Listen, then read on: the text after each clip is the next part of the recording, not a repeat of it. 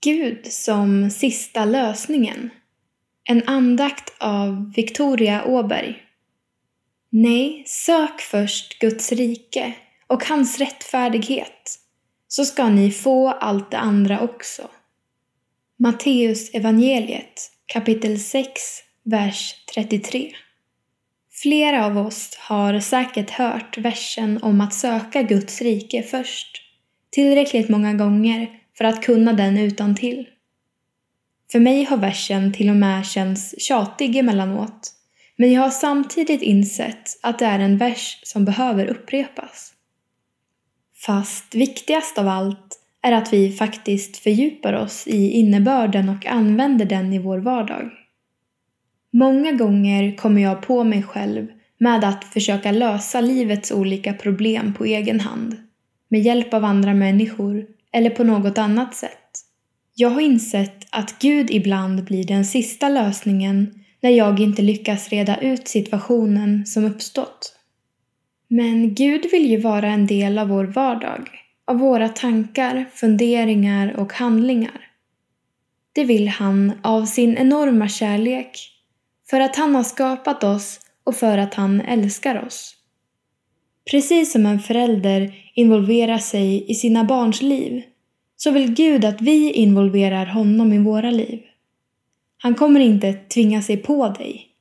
Hans största önskan är att du av kärlek och egen vilja väljer honom och söker honom först. För om du aktivt väljer att vända dig till Gud i första hand och söker efter hans rättfärdighet så kommer allt det andra också. Du kommer att finna stöd och få hjälp att fatta beslut. Du kommer att finna vägledning för att hitta rätt när du är vilse i livet. Du kommer att bli upprättad, läkt, tröstad, älskad och förlåten. För Guds kärlek till dig är oändlig, oavsett omständigheterna. Ibland kan vi behöva vänta på ett svar, ha tålamod och förståelse för att saker kanske inte blir som vi har föreställt oss. Då är det viktigt att vi förlitar oss på Gud och hans kärlek. Han ser livet ur ett gudomligt perspektiv som vi inte kan föreställa oss och även om vi ibland inte tycker att det märks vill han oss alltid det absolut bästa. Bön. Gud för att du älskar och vägleder mig. Jag ber om vishet att söka dig först. Jag vet att du tar hand om mig och jag vill involvera dig i mitt liv.